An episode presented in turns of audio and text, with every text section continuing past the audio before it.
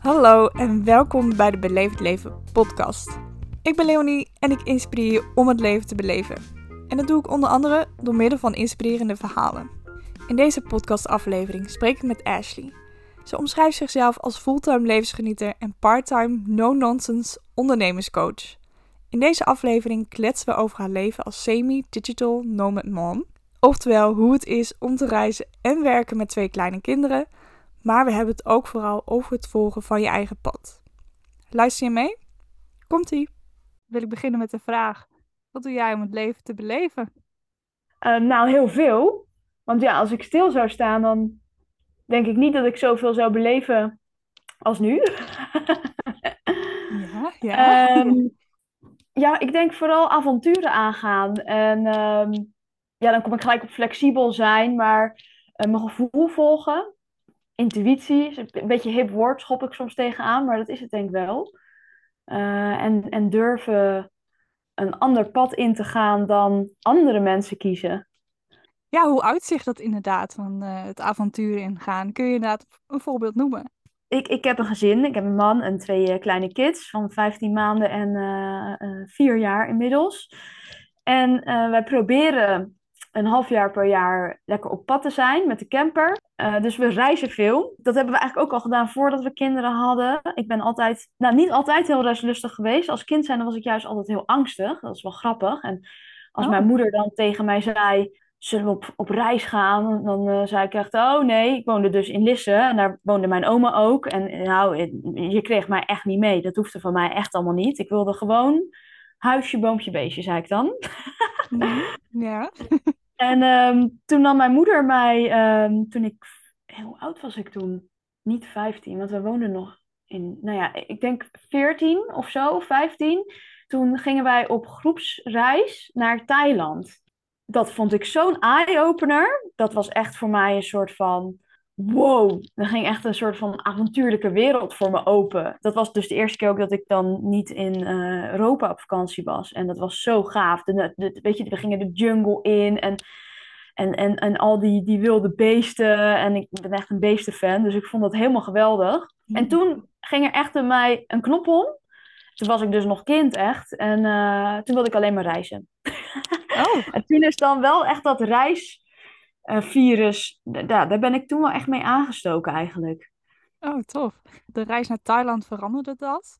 Maar eigenlijk door de angst bleef je zitten waar je zit? Nee, het was niet echt angst hoor. Ik had er gewoon echt geen behoefte aan. En ik, ik, als kind hecht ik gewoon veel waarde aan uh, nou ja, mijn oma. Vond ik fijn om daar gewoon te zijn. En we woonden in een uh, huis met een buurt met veel kindjes. En ik vond het altijd leuk om op te passen. En ja, ik had niet de behoefte om daar weg te gaan of om het uh, avontuur op te zoeken of zo. Misschien dat dat natuurlijk onbewust met die angst te maken had, maar daar was ik als kind zijn er niet echt mee bezig.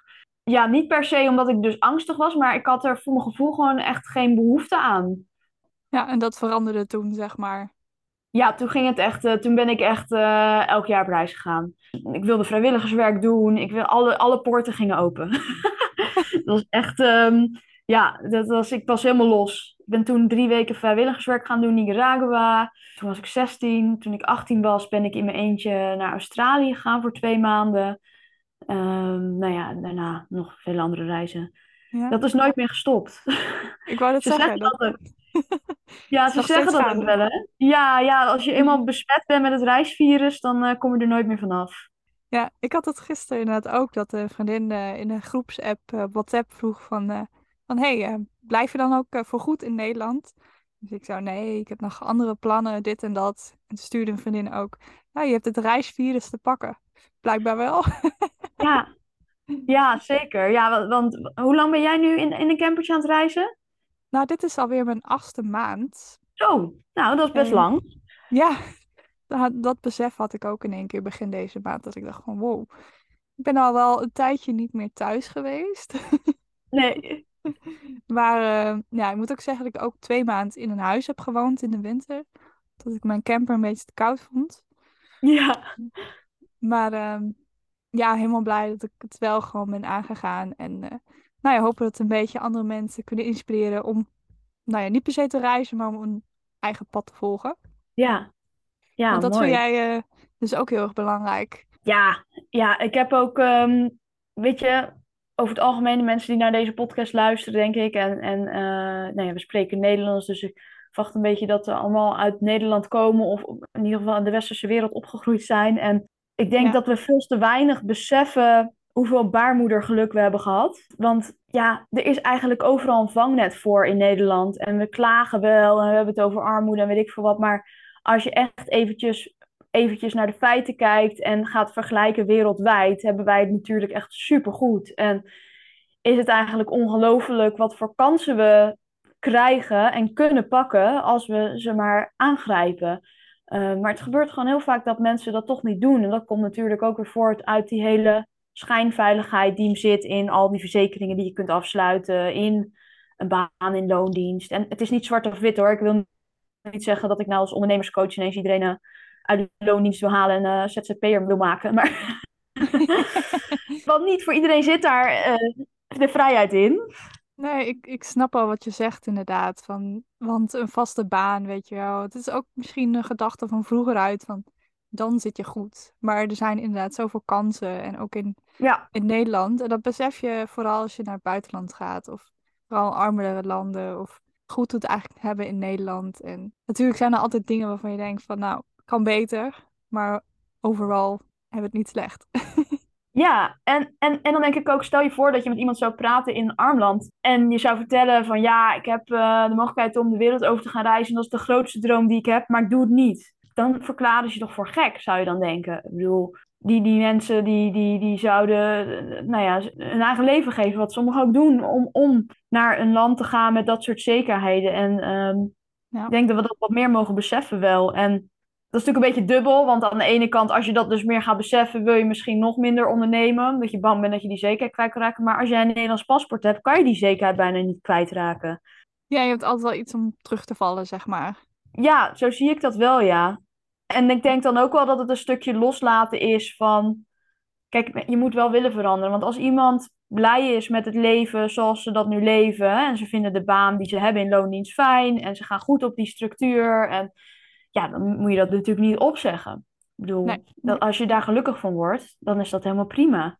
Het is misschien ja, wat meer bewuster stilstaan bij nou, wat je zelf wilt, wat je dromen zijn, wat voor jou werkt. Ja, en dat kan je ook in andere dingen zoeken natuurlijk dan werk. Maar wat je vaak natuurlijk wel ziet is als mensen eenmaal die vrijheid geproefd hebben, dat het dan heel lastig is om weer terug te gaan en terug te komen. Ja, Bij iedereen, maar... Ja. Nou ja, dat had ik ook wel toen ja, toen ik op mijn 25ste of zo ging backpacken in Zuid-Amerika. Volgens mij was ik nog jonger. Dan heb ik drie maanden gereisd, heel vrij, weet je wel, leuke mensen ontmoet. En dan kwam ik weer terug in Nederland. En ja, er is eigenlijk niet zoveel veranderd. Iedereen leeft nog steeds zijn leventje. En wat heel logisch is, was al een hele omschakeling om dan weer daarin mee te gaan, zeg maar. Ja, want jij hebt echt het gevoel dat, dat, dat er van alles veranderd is, want je bent zelf heel erg veranderd. Ja. En dan kom je terug en dan denk je, oké, nou, ja. oh ja, zo was het. yes. ja. En jij reist dus met je gezin uh, half jaar reis en half jaar in Nederland, of hoe? Ja, nou, wij zijn daar heel flexibel in. En uh, het is natuurlijk wel grappig, want wat ik volgens mij al naar jou schreef, want, uh, over, over het hele reizen met kinderen in de camper. En wij waren net terug en ik was er echt even klaar mee. Ik had zoiets van, ik heb gewoon geen zin om hierover te praten. Ja, en weet je, dat is ook mo gelijk mooi om te delen. Dat een, een droomleven niet altijd maar alleen maar uh, geluksmakend is of zo. Ja, um, dus dus wij, wij reizen eigenlijk wanneer we willen. En over het algemeen komt dat er dan vaak op neer dat we een half jaar per jaar weg zijn. We zijn uh, in coronatijd acht maanden geweest. Maar dat was ook een beetje de, ja, de situatie, omdat we ons niet te veel wilden verplaatsen. Um, maar we zijn daar eigenlijk ook nog steeds een beetje zoekende in en gewoon het uitproberen wat past.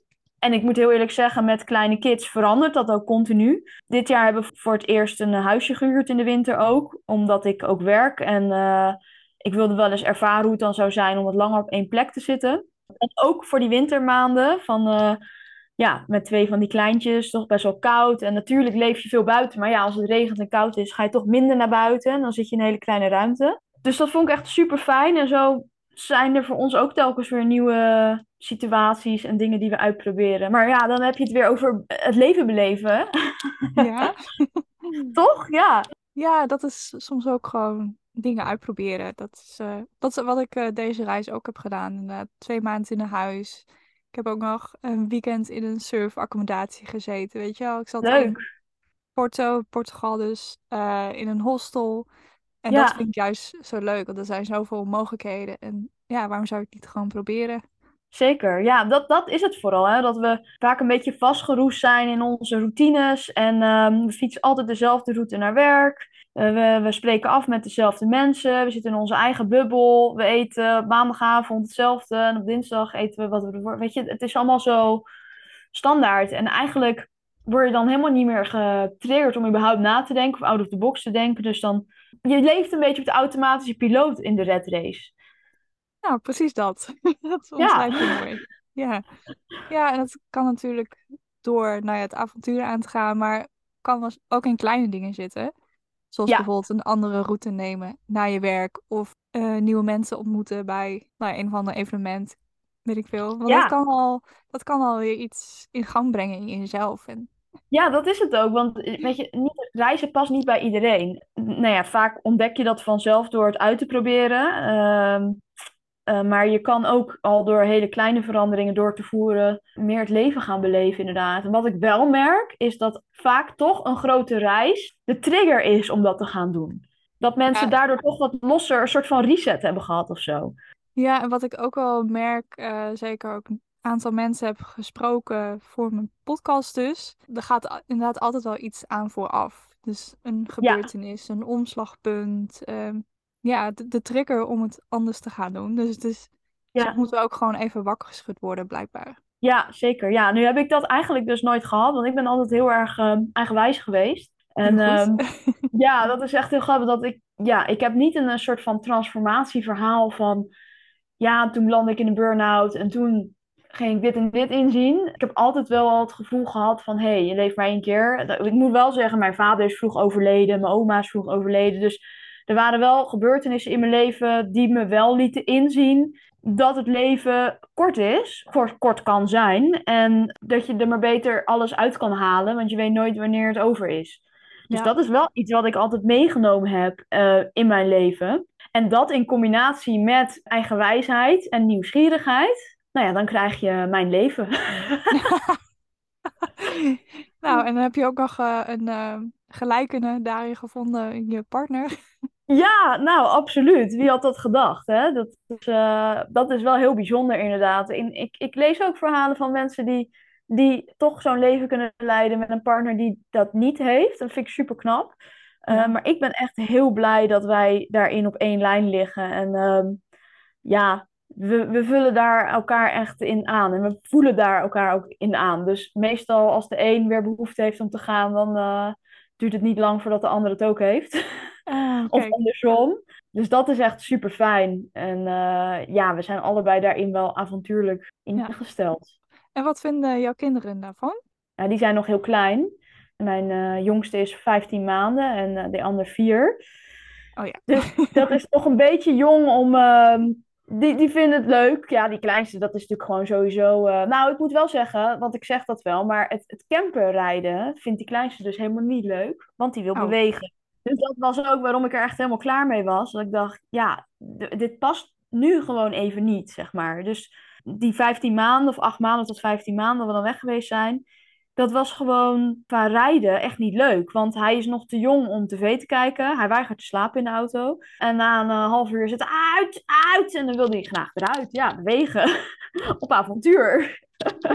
Die wil, ook, die wil ook het avontuur aangaan, maar dan ja, uh, niet ja. in de camper. Nee, zijn eigen avontuur. En uh, dat is ook een mede ook een reden geweest dat we een huisje hebben gehuurd. Want je wil natuurlijk wel dat iedereen het naar zijn zin heeft. En je gaat gewoon niet kilometers rijden elke dag als, uh, als, als er iemand zich daar niet prettig bij voelt. hoe klein dan ook.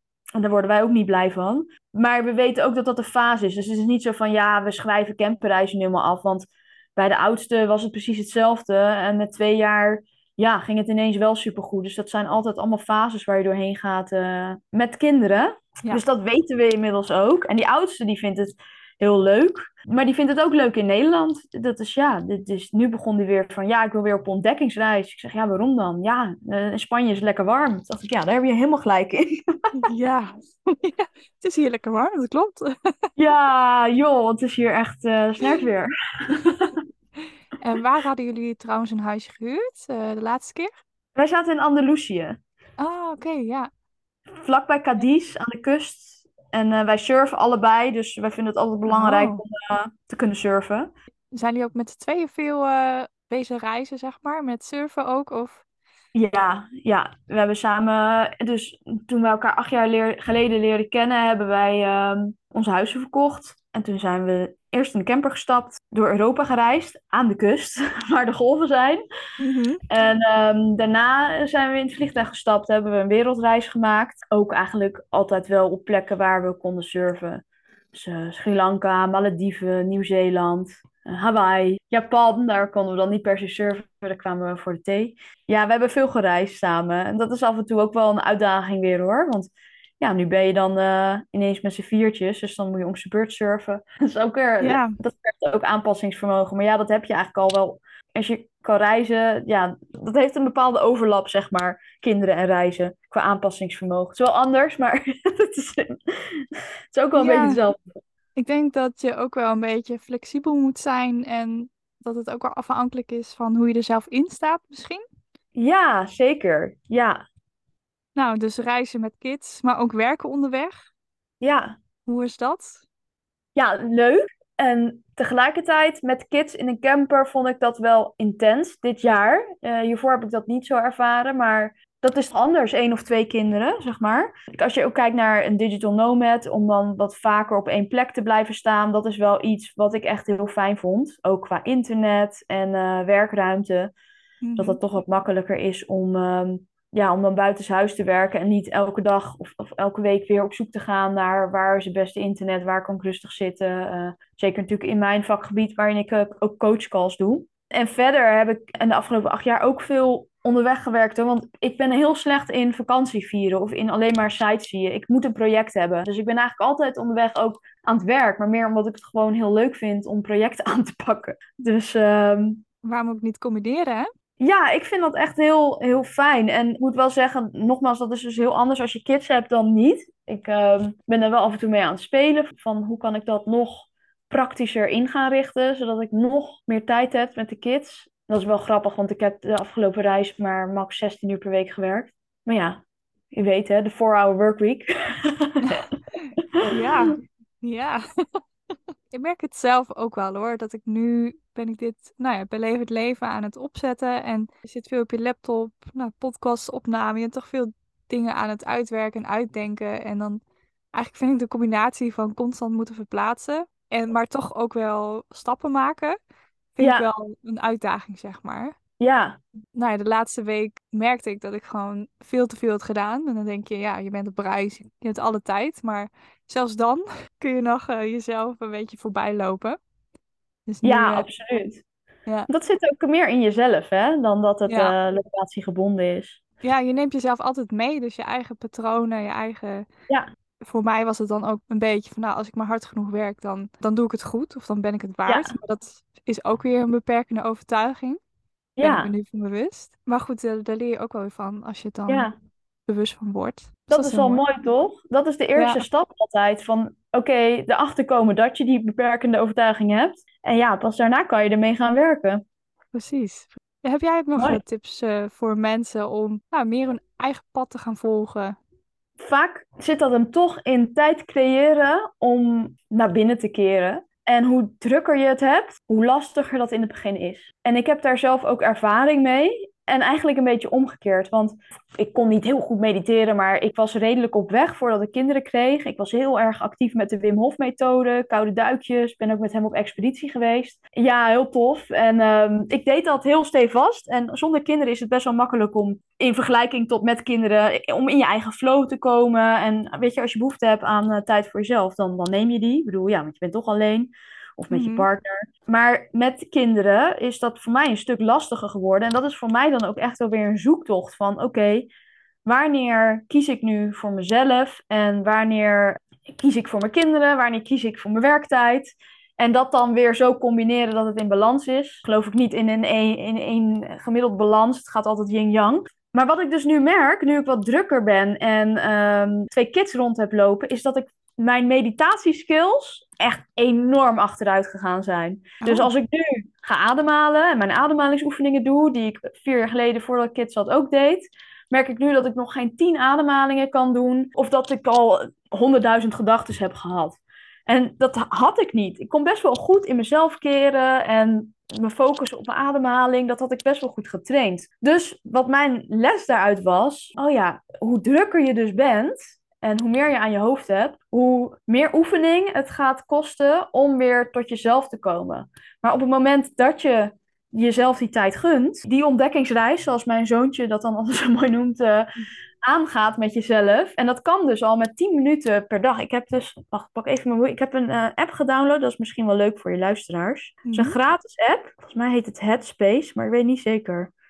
Nee, sorry, heel anders. Healthy Minds. nou, daar gaan we al, hè?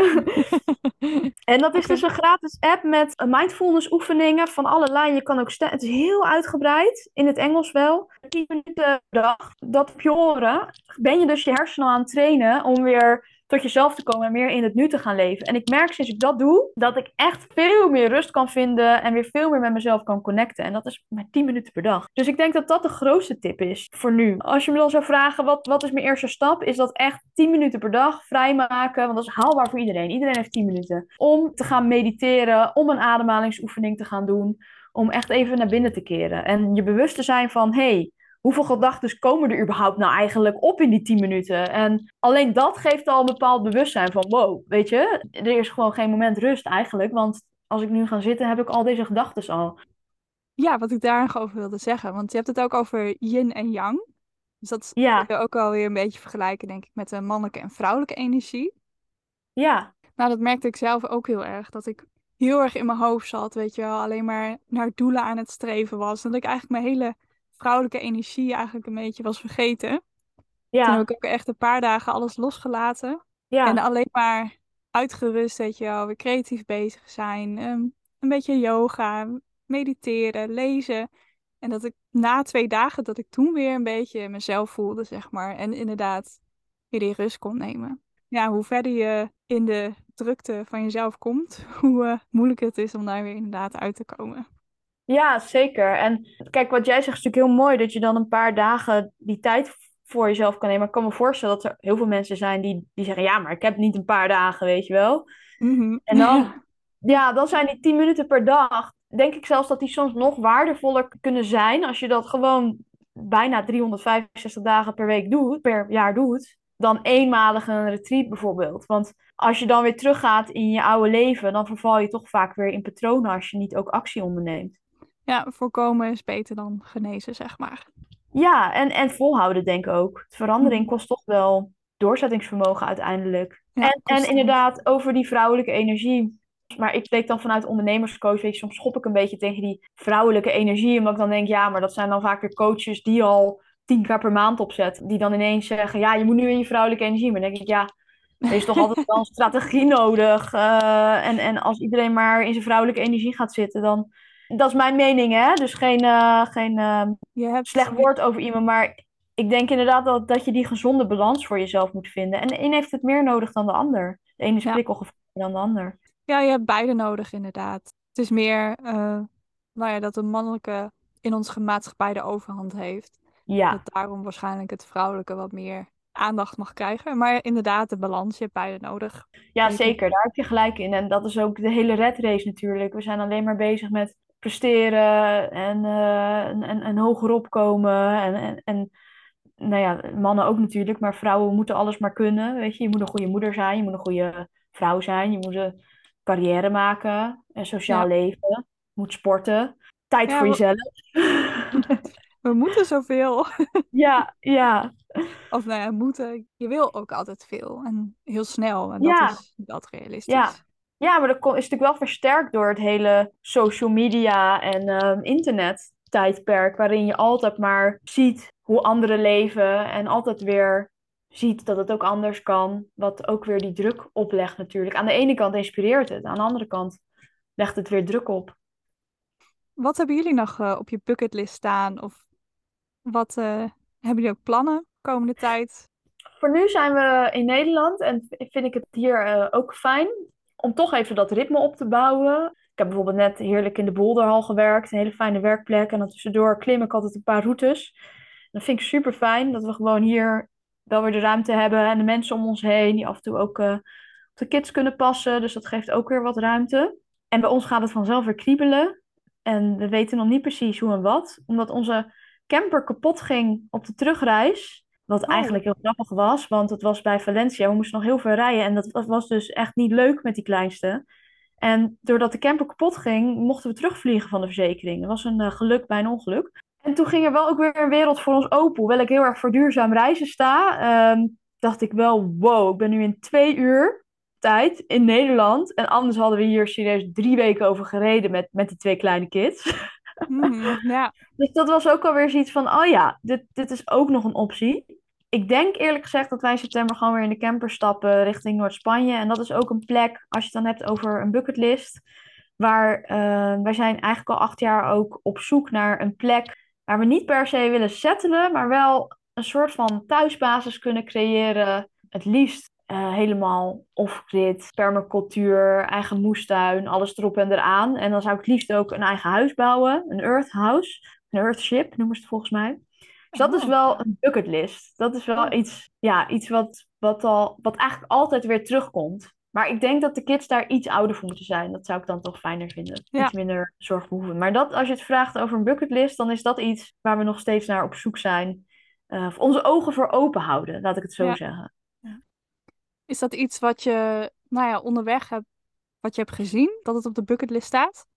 Moet even diep graven, want het is niet iets wat ik per se tijdens het reizen heb uh, geleerd eigenlijk is het hele duurzaam leven, minimalisme, is altijd wel, eh, en bijdragen aan een betere wereld is altijd wel de hoofdreden geweest in heel veel activiteiten en ondernemingen die ik doe.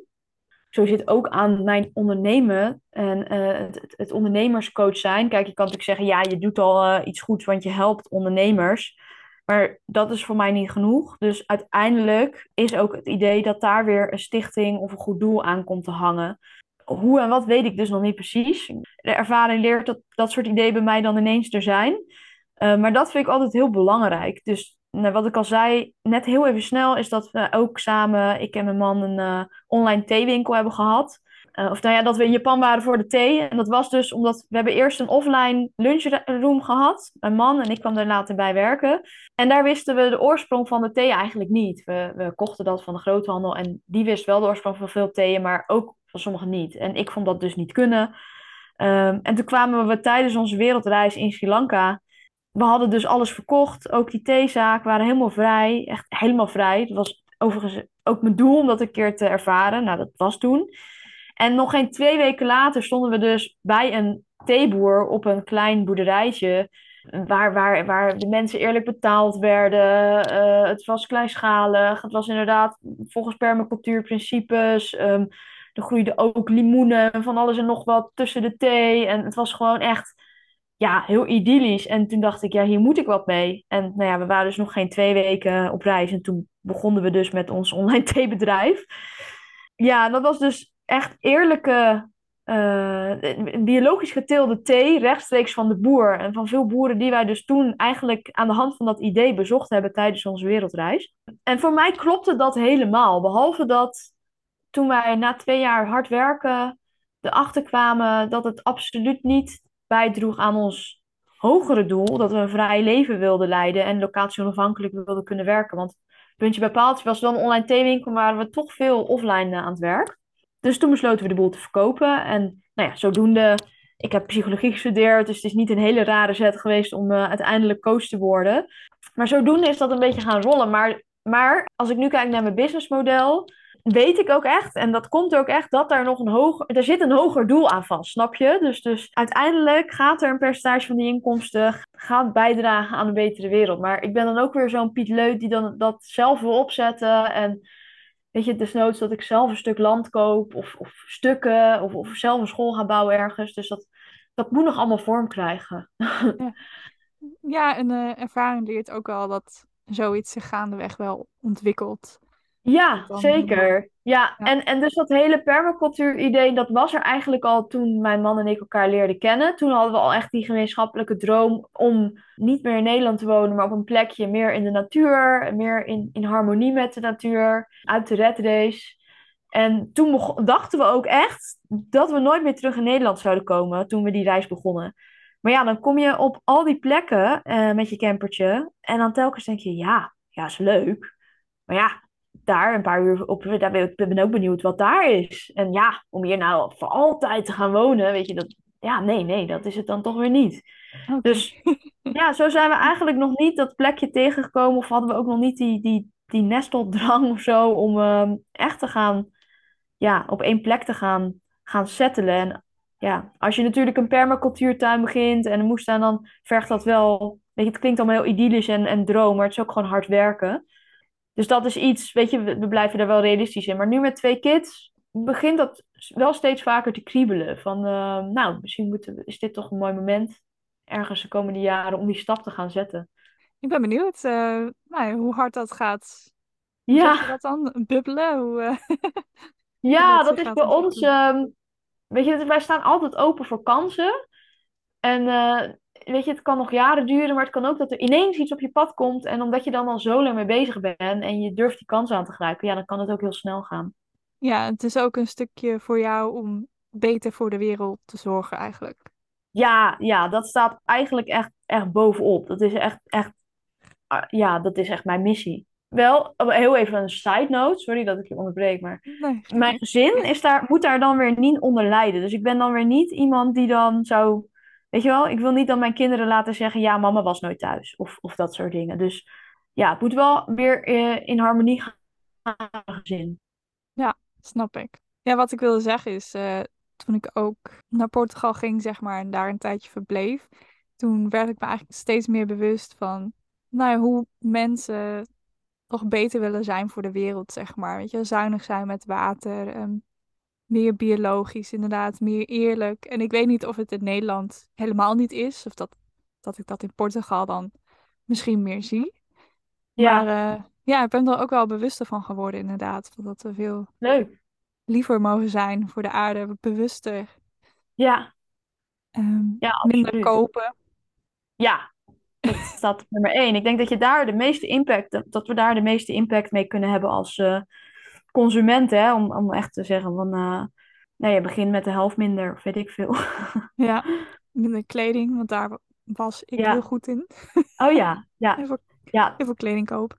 Ja, nee, ja, ik ben echt, uh, wij kopen, zeker ik, nagenoeg alleen maar tweedehands. En als ik iets koop, dan is het um, ja, van een eerlijk merk. En we zijn nu zodanig geminimaliseerd dat echt alles ook gewoon in de camper past. En ik hoef niet eens meer na te denken. Ik heb toevallig, had ik nog één laadje met spijkerbroeken. Ik heb echt een hekel aan spijkerbroeken. En, uh, maar die had ik dan voor, voor nette gelegenheden. En van de week heb ik die ook echt in de zak gegooid. Want die liggen er al jaren. Ik denk, nee, ik ga het gewoon niet meer doen. Ik uh, ben er klaar mee. Dus, uh, maar dat is echt een jarenlang proces hoor. Het is nog steeds... Ja, ja want jullie hebben wel nog een eigen huis, zeg maar? Wij hebben een huurhuis. Oh, zo, ja. Ja. En dan uh, een camper. Tweede ja. huis. ja, ja, ja. Ja, dat is eigenlijk ons eerste huis dan, hè? Want ja, dat oh. is echt Ja, en je zei het al van de online theewinkel verkocht voor, nou eigenlijk dus meer vrijheid. Ja. Dat is eigenlijk een belangrijke kernwaarde voor, voor jou, voor jullie dus. Ja, en dat is ook echt wat ik zo fijn vind aan ondernemen. Dat je echt, weet je, jij bent zelf de baas. Je kan ja, in feite doen en laten wat je wilt het moment dat dat niet meer zo is, gaat er denk ik ook iets fout in je onderneming. Tenminste, het ligt natuurlijk aan wat je doel is, maar ja, dan kan je net zo goed voor een baas gaan werken. Want daar krijg je natuurlijk ook wel een stukje zekerheid voor terug. Ik bedoel, als je iets overkomt of uh, gewoon het, het, ritme en regelmaat wat je hebt. Niet de mhm. zorg voor uh, of je wel nieuwe klanten hebt volgende maand. Ja, als inderdaad zekerheid uh, een belangrijke waarde voor je is, dan zou het logischer zijn om in loondienst te gaan werken. Ja, ja, je kan natuurlijk ook allebei doen. Ik bedoel, niks is meer te gek tegenwoordig. En het voordeel is natuurlijk ook dat je gewoon tegenwoordig best wel een loondienst kan en remote kan gaan werken. De mogelijkheden zijn eindeloos eigenlijk. Ja, ja, dat maakt het soms zo moeilijk, hè? Ja. Ja, het is ook vaak uitvinden wat bij je past. Ja, Voor iedereen Ja. weer, weer anders. ja, dat is het ook. Nou, heb je nog een andere tip die je aan mensen mee wil geven om het leven meer te gaan beleven? Je hebt al wat tips genoemd, maar Uit je hoofd komen dus, maar daarvoor moet je vaak eerst even die rust voor jezelf pakken, want anders is het heel moeilijk om uit je hoofd te komen. En ehm, nou ja, als er dan een tip is, dan is het ga koude duikjes nemen in zee of eh, in een ijsbad. Dat, Oh. dat gaat je ook heel veel brengen. en waarom? Ehm, want dat een hele krachtige manier is om jezelf te laten inzien tot wat je in staat bent. Want het is iets fysieks. Dus voor mij was het echt een van de weinige manieren waardoor ik echt stil werd in mijn hoofd. Dus het is gewoon een hele krachtige tool eigenlijk. Ja, En ook nog eens gezond. Gezond, ja. Ik moet zeggen dat ik het eh, steeds meer om me heen hoor. Heel veel mensen die het ook doen. Ik, Ja. Toen ik in het huis woonde, had ik ook een huisgenoot. Die nam elke ochtend, nou, die deed dan de Wim Hof ademhalingen. En dan een Ja. duik in het zwembad die er was. Ja. Super koud. Ja, Maar ik, ehm, ja, het is volgens mij ook vooral een mindset dingetje. Want ik hou niet van kou. Ik vind koud water heel erg moeilijk. Maar dat is het dan ook. Dan ga ik heel erg in mijn hoofd zitten van, oeh, het is koud, het is koud, het is koud. ja. Terwijl dat... ja, juist daar zit de uitdaging. Ja, precies. Dus af en toe probeer ik het en dan ben ik er vrij snel weer uit. Maar Ja, maar dat maakt weer Weet je, als je het eenmaal gedaan hebt, het Ja. gaat juist ook echt om die kick daarna die je krijgt. En, en daarna heb je gewoon het gevoel dat je de hele wereld aan kan. ja, en ehm, wat was jouw geluksmomentje van afgelopen week? Van afgelopen week.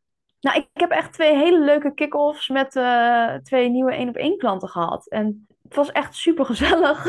Ja, ik denk wel dat dat mijn geluksmoment is. Dat ik heel dankbaar was dat ik zoveel ambitieuze ondernemers mag helpen naar een succesvolle business die hen weer gaat brengen naar meer vrijheid. Ja, want je coacht dus andere ondernemers. Klopt, ja. En eigenlijk om te doen wat, nou ja, wat jij ook doet. Leven in vrijheid. Ja, niet zo eens, eh, niet eens zozeer inderdaad eh reizen hoor, maar ook meer ehm, zorgen dat de business dus aansluit bij wat je voor ogen had. En vooral ook gericht op een stukje van offline naar online. Dus een online aanbod creëren, een stukje automatiseren aan de achterkant, zodat je weer meer tijd creëert voor andere dingen die je belangrijk vindt in het leven. Ik zeg Ja. altijd, eh, je wilt, je wilt uiteindelijk mooie herinneringen creëren met elkaar. Ja, zeker. En eh, nou ja, genieten. Genieten van het Ja, leven. daarom. Ja, dat is het. Ja.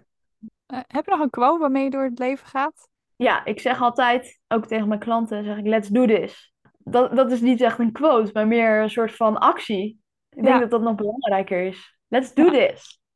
Gewoon, eh, gewoon doen, niet te belang Gewoon doen. Ja, hangen in afwegingen of kan ik het wel, maar gewoon gaan proberen, zeg maar.